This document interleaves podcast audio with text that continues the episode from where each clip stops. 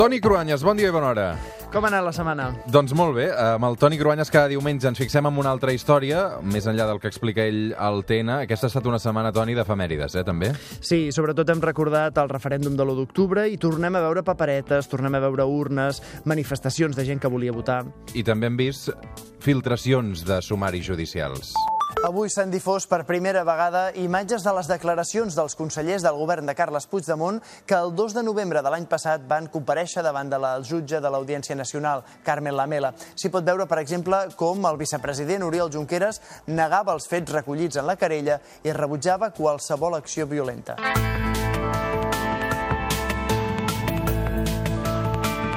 D'aquesta manera ho explicaves al TN aquesta setmana, un acte, en definitiva, el referèndum que es basa en una cosa, votar en democràcia, en principi. Toni. Sí, per això et proposo que avui posem el retrovisor, però l'enfoquem més enllà de Catalunya i Espanya i ens n'anem en el moment en què va néixer la democràcia. Va ser un moment d'esplendor de la història mm. d'Europa, a la Grècia daurada, que va ser bressol de l'arquitectura clàssica, de la filosofia o dels Jocs Olímpics. Doncs avui marxem fins a l'antiga Grècia.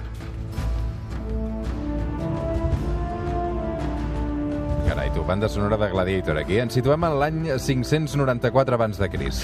Demos vol dir poble en grec, Kratos vol dir govern. L'antiga Grècia ens va deixar, entre altres herències, aquesta forma d'organització política que encara avui aspirem a perfeccionar.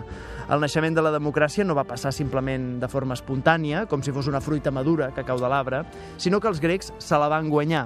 I va ser la lluita dels ciutadans d'Atenes, una ciutat-estat independent entre les diverses ciutats de Grècia, que enmig d'imperis amb grans exèrcits, amb capdills militars com els d'Egipte o Pèrsia, no van tolerar ser súbdits de nobles autoritaris. Els grecs que havien viatjat per tota la Mediterrània, guerrejat i comerciat amb est i oest, eren prou rics i prou cultes com per no suportar més unes lleis que consideraven massa dures. De fet, el general que les va imposar es deia Draco.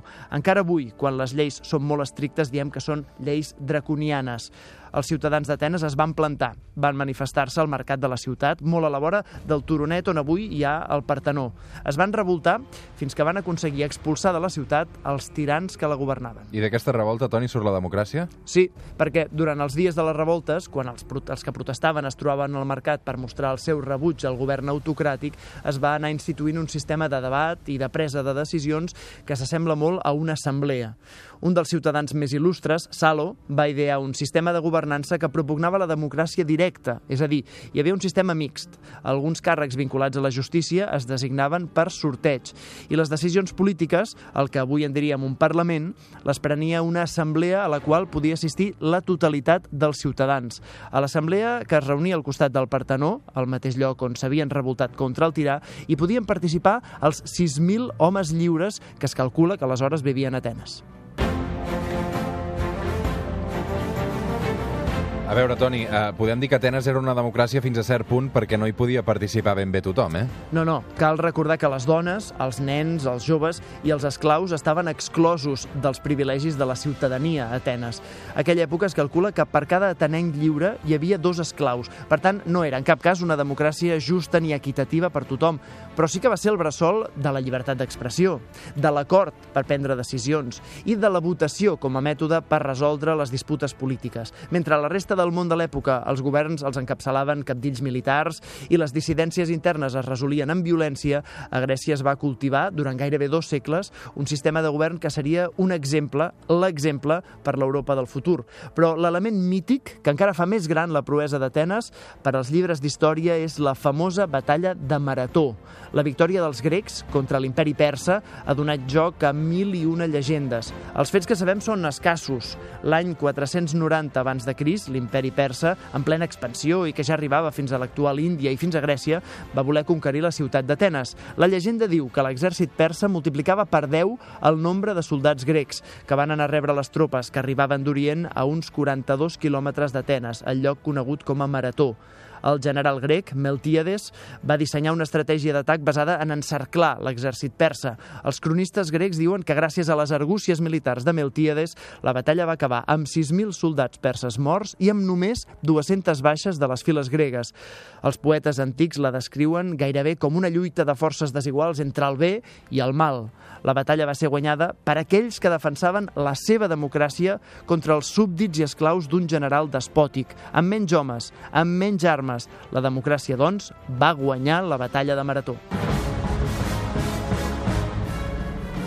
Per tant, Toni, la batalla de Marató encara es commemora amb la cursa olímpica, 42 quilòmetres, 195 metres, que de fet era la distància que separava les ciutats de Marató i Atenes, no? Sí, molta gent coneix el mite, del qual no s'entenen proves, que el soldat grec Filípedes va córrer aquesta distància entre Marató i Atenes eh, per explicar que havien guanyat la batalla i que quan va arribar va morir de fatiga, no? Eh, això en realitat no està provat, però sí que, eh, per molt bonic que sigui, eh, hem de tenir en compte que aquesta batalla i la seva mitificació ens poden portar un equívoc. Alerta en confiar massa en la victòria de la democràcia. Per què, per què? Als grecs la democràcia no els va durar per sempre, els va durar 200 anys, perquè la democràcia desaparegués la tenien dins del seu propi sistema, el, el que va significar la persona que va acabar amb ella. Va ser Alexandre el Gran, mm. va ser un altre tirà. Eh, va ser, de fet, l'emperador més poderós de l'antiguitat. No, no era un capdill estranger, sinó que era de Macedònia, que aleshores formava part de la cultura grega. I, de fet, Alexandre va tenir com a mestre un dels grans filòsofs de, la, de Grècia, Aristòtil. Va expandir l'herència cultural de Grècia tant a Occident com a Àsia, però va substituir les institucions democràtiques per un govern autoritari.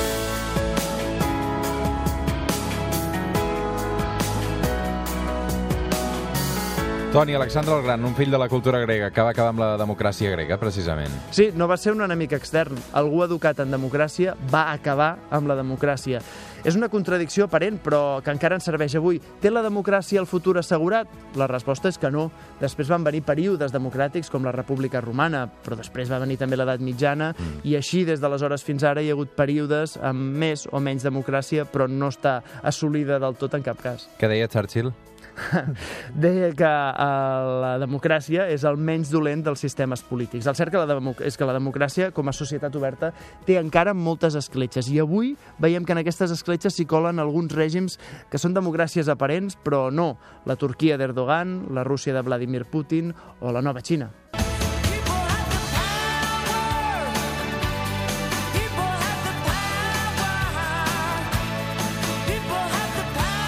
Jo crec que aquest People Have the Power és, el, és una cançó bastant oportuna avui per arribar a les 9, no?, de Patti Smith. Podria ser un himne, fins i tot, no? Podria ser un himne. Gràcies, Toni. Gràcies, bon dia.